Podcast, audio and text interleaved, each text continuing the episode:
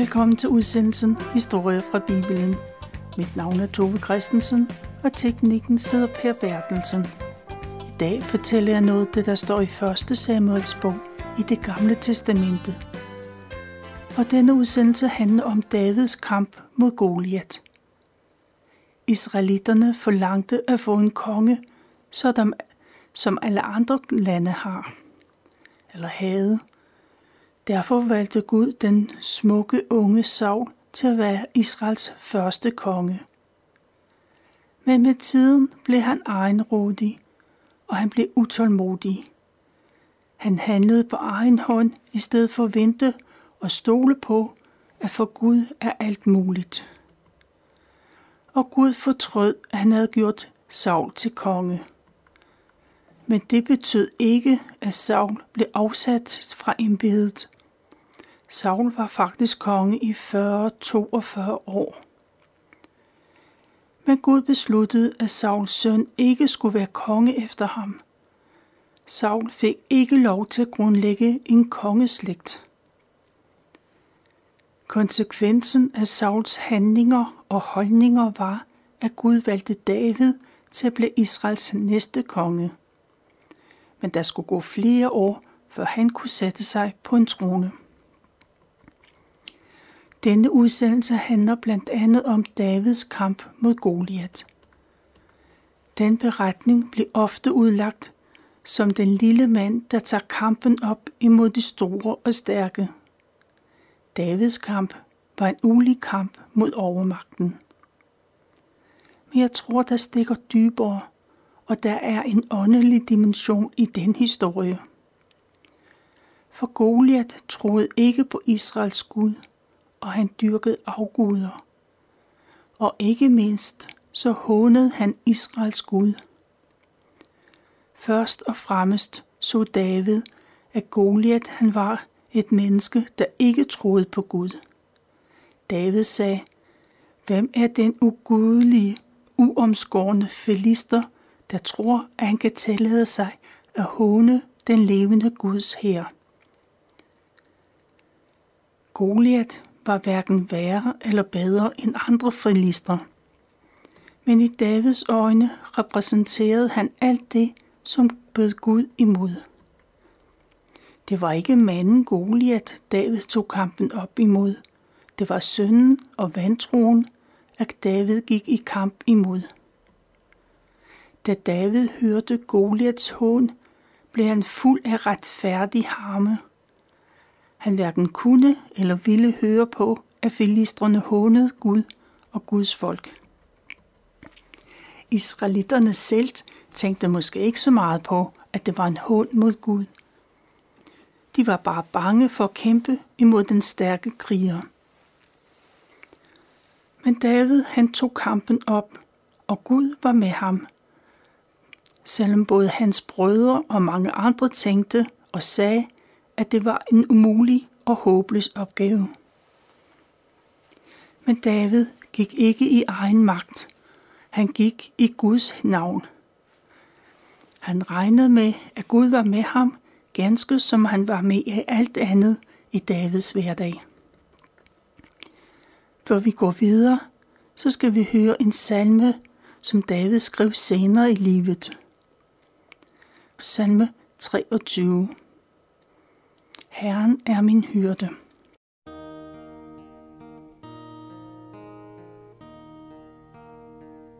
The Lord's my shepherd, I'll not want. He makes me lie in pastures green. He leads me by the still, still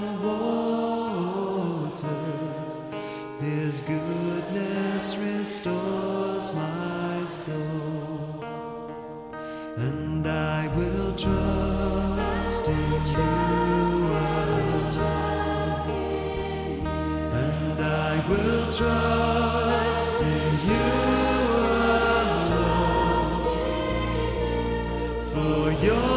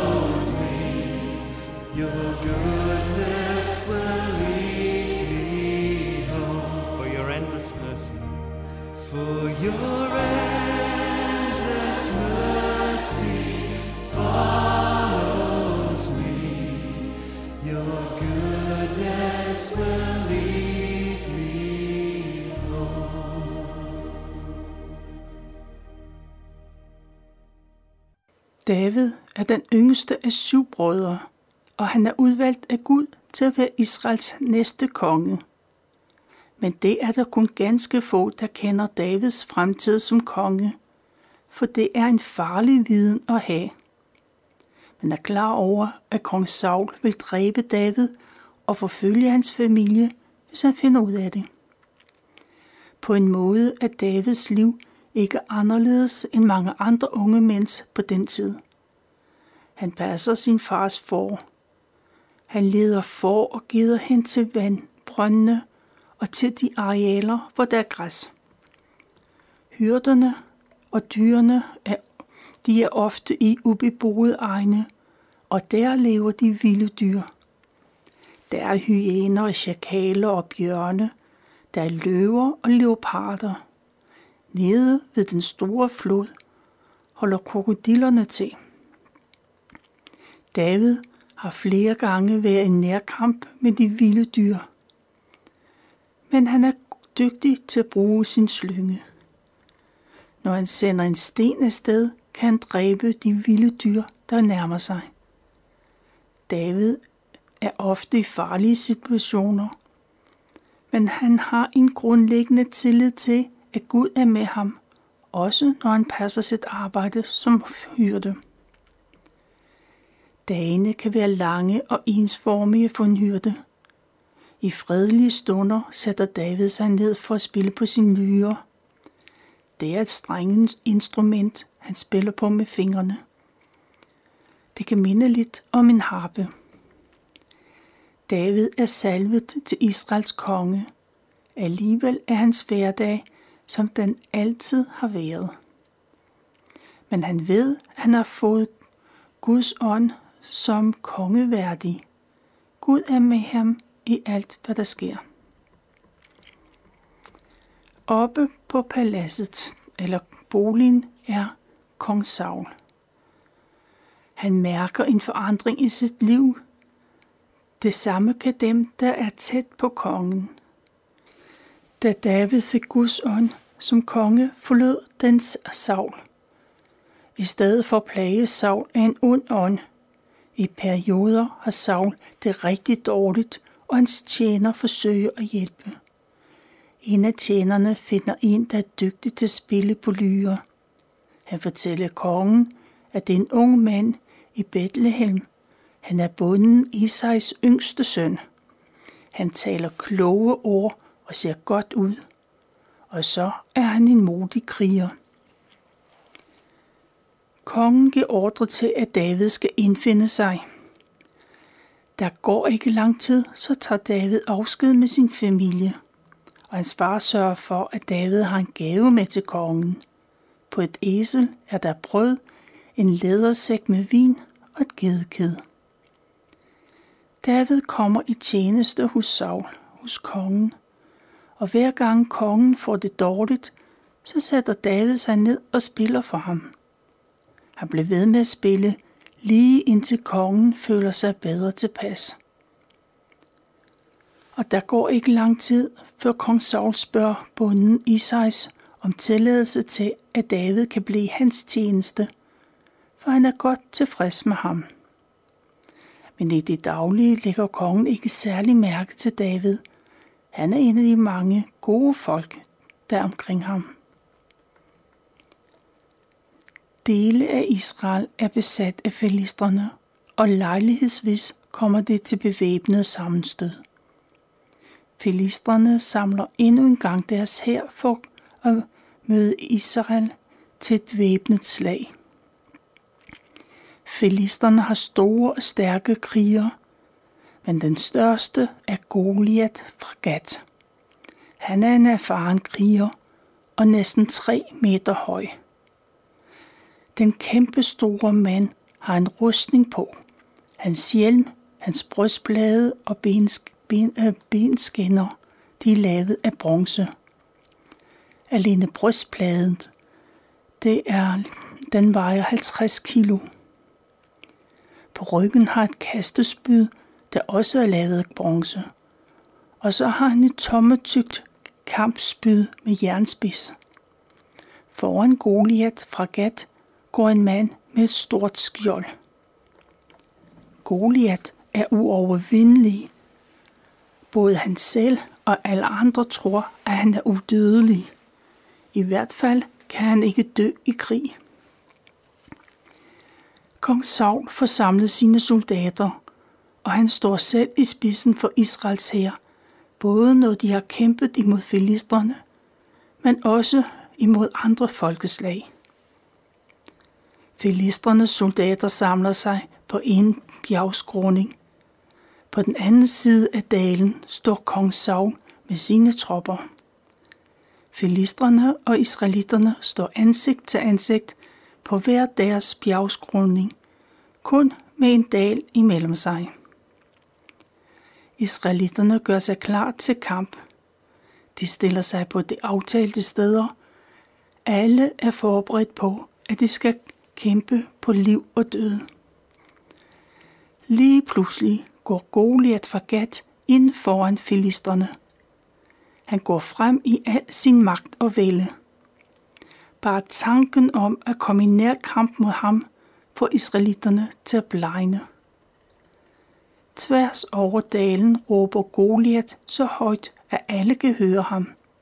Goliat råber, Hvorfor har israelitterne stillet sig op til kamp? De kan da bare ordne sagen med en lille tvekamp. Jeg, Goliat, jeg er filistrenes største krigshelt. I derimod, i er bare Sauls slaver. Hvis israelitterne vælger en af deres mænd, så kan han kæmpe på alles vegne. Goliat udfordrer dermed israelitterne til en tvekamp. Hvis, øh, hvis Israels mand vinder, og Goliat bliver slået ihjel, så vil filisterne være deres slaver. Men hvis derimod at det Goliat, der vinder, så skal israelitterne være filistrenes slaver. Med de ord udfordres Goliat Israels her, hvis de altså tør at tage den opfordring, eller udfordring op. Israels soldater hører Goliat råbe, og de taber fuldstændig modet. Det samme gør kong Saul. Ingen tør at påtage sig det ansvar at kæmpe imod den store og stærke filister. Kong Saul ser ingen anden løsning på problemet. Han ser, ved ikke, hvad han skal gøre, så han lader tiden gå og håber på det bedste. Hver eneste morgen og hver eneste aften sker der det samme. Goliath står i fuld rustning på bjergskråningen og håner israelitterne og deres Gud. To gange om dagen i over en måned råber Goliath fra bjergskroningen. Og hver morgen så beslutter israelitterne, at de den dag vil tage kampen op. Men når de ser Goliath, så svigter modet. Og imens det sker, er David hjemme for at hjælpe sin far på gården. Han passer forerne og gederne, mens de tre af hans ældre brødre er med i krigen. En dag siger far Isai til David, at han skal gå til brødrene, dem der er i, i, i Sauls her, i kongens her. Han skal tage en sæk ristet korn, ti brød med til dem. David skal også tage ti oste med. Dem skal de overordnede i herren have. Måske kan ostene gøre en forskel, så det bliver lettere for David at få pålidelige oplysninger. Far Isai kender soldaterlivet, og han forklarer, at David ikke skal lade sig nøje med andres forsikringer om, at brødrene har det godt. Og så skal David have et brev med tilbage, eller noget andet det deres. På den måde sikrer faren sig, at han får en pålidelig efterretning, ved om de er i live eller ej. Far giver, eller David, han giver ansvaret for forne til en anden hyrde. Og tidlig næste dag tager han afsted. David går hurtigt, og han kommer til udkanten af lejren, lige som Israels hær er ved at stille op til kamp. Israelitterne og filisterne, de står over for hinanden, kun med en dag imellem sig. Sådan har de sket i de sidste 40 dage. David efterlader sine pakker med mad til den mand, der er opsyn med herrens forsyninger, og så skynder han sig for at lede efter sine brødre. David spørger sig for og finder dem. Netop som David taler med sine brødre, så træder Goliat frem og stiller sig foran filisterherren. Israels soldater har hørt det mange gange før, men det er første gang David ser og hører Goliat. Han ser, hvordan de israelitiske soldater bliver bange. Og så fortæller man David, at sådan har det været de sidste 40 dage. De har måttet høre på Goliats hån både morgen og aften. Og kongen har lovet en belønning til den, der kan slå ham ihjel. Den modige skal blive både rig og få kongens datter. Derudover skal hele hans slægt blive fritaget for at betale skat. David vender sig til de andre. Hvem er egentlig denne ugudelige, uomskårne filister, spørger han. Hvordan kan han tillade sig at håne den levende Guds her på den måde? David ser sådan på det, at Israel er Guds folk, og Herren er dermed også Guds her. Nu, nu tillader hedningen Goliat sig at tale nedsættende om deres Gud. Den ældste af brødrene hører, hvad Davids taler om og spørger om. Så kommer storebror og skal ud. Hvad laver han her i det hele taget? Storebror synes, at David han er både havmodig og selvisk. Er han nu også løbet fra sine pligter hos forerne? David er sikkert kun kommet for at se på kampen. Lillebror David forsvarer sig. Hvad har han nu gjort forkert? Man har vel lov at spørge. Rygterne går gennem lejren. Snart har alle hørt om Davids interesse for Goliat. Kongen kører, hører også om David. Og så sender han bud efter David. Hyrdedrengen David siger til kong Saul, at han ikke må lade sig slå ud af den overmodige filister. Jeg skal nok gøre det af med ham, lover David. Og kongen sukker, for det kan ikke lade sig gøre. David er ung og uerfaren, og Goliat har været kriger, siden han var ung. Men David lader sig ikke slå ud. Han fortæller, at han i overvis har vogtet for. Hvis der kommer en løve eller en bjørn, og så vil tage et lam, så løber han efter dyret. Så fælder han det med sin slynge og river lammet ud af den skab. Hvis en bjørn angriber David, så tager han det i pelsen og slår det ihjel. David har slået både bjørne og løver ihjel. Nu skal det gå den vandhellige filister på samme måde. Den Gud, der frelste mig fra løvens og bjørnens klør, vil også hjælpe mig imod filisteren. Sådan siger David. Og kong Saul tænker sig om. Godt, siger han. Så gå imod Goliat, og må Gud være med dig. Saul giver David sin egen rustning. Man hjælper David med at få bronzehjelmen og brynjen på, og spænder et bælte om livet. Men det er alt for tungt. David kan dårligt nok flytte benene, og så tager han det hele af igen. I stedet for, så går han ned til bækken og udvælger fem glatte sten. Dem lægger han i sin hyrdetaske. Udrustet med hyrdestav, taske og slynge, går David Goliat i møde. Goliat har hele sin krigsudstyr på, og skjoldbærerne går foran Goliat. Han går den modige israelit i møde. Men da han ser nærmere efter, så ser Goliat en lille rødmusset fyr. Goliath synes, at det er en hån imod ham, at han skal kæmpe imod sådan en dreng. Og så ser han Davids hyrdestav. Den kan da kun bruges til at jage hunde væk med. Hvad regner du mig for, at jeg er en hund? Sådan brøler Goliath efter David. Og Goliath forbander David og tager alle sine guder i ed. Så tilføjede han, at den unge mand bare skal komme an, så skal han nok blive til føde for både fugle og vilde dyr. Men David svarer på tiltalen. Du kommer imod mig med svær, spyd og lanse, siger David, men jeg kommer imod dig i Guds navn. Og så håner Goliat igen Israels Gud. Den Gud, der er anføren for de himmelske herskere, og som er Israel, Israels styrke. David siger, at i dag vil Gud gøre det af med Goliat.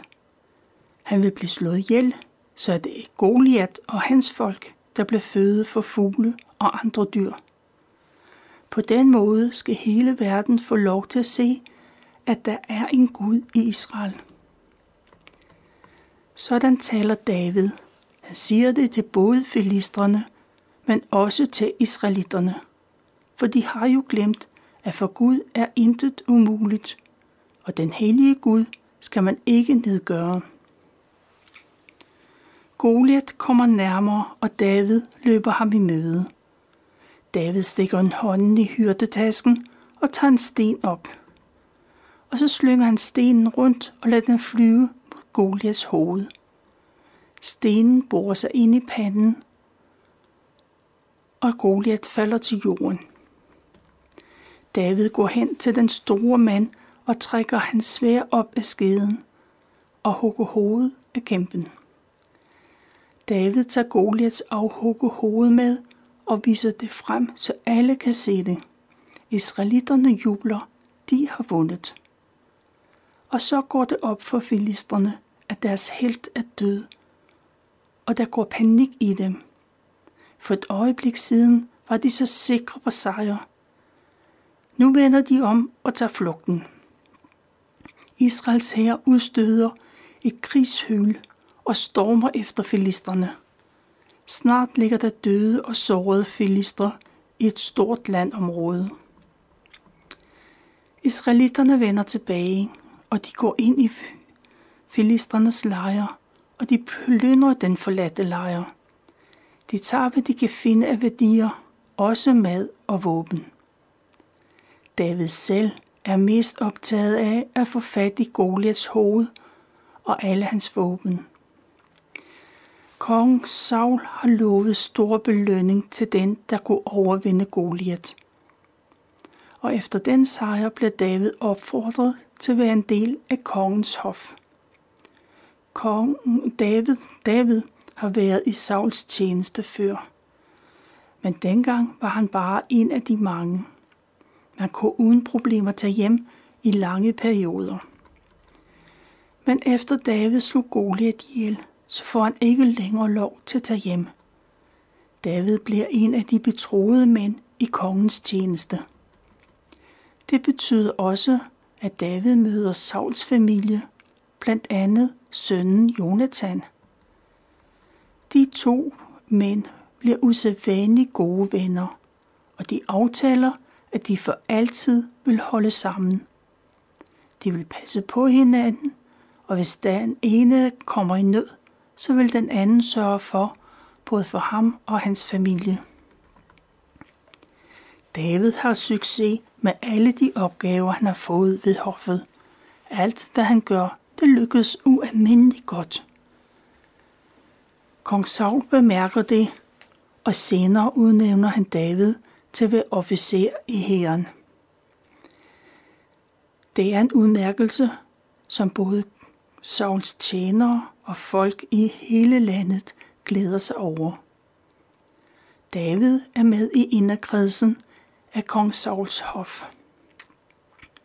Det er, hvad jeg valgte at fortælle fra 1. Samuels bog, kapitel 16, 17 og 18. Vi slutter udsendelsen med at spille sange Davids kamp, og det er Jens Bendix, der synger.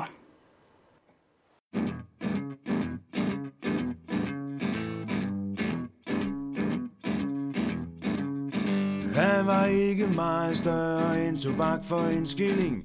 Han var også den yngste, forhyrte var hans stilling. Han var god til at passe på sin mor og fars dyr, selvom puma, los og løve indimellem gav på styr.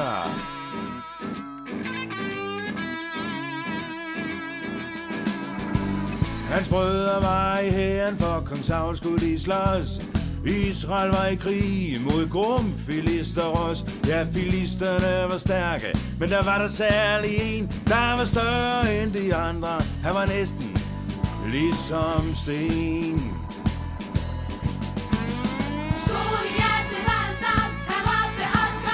Jeg frygter ingen sjæl på jord, hvem tør slås mod mig? Soldaterne fra Israel ville ikke have smæk. Men anden, der var på besøg, Han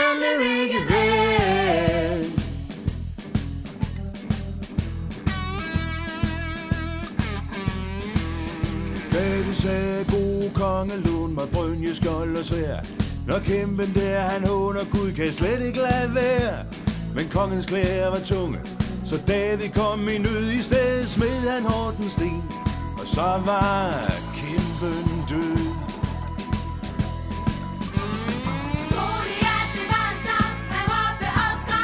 Jeg frygter ingen sjæl på jord, hvem der slås mod mig.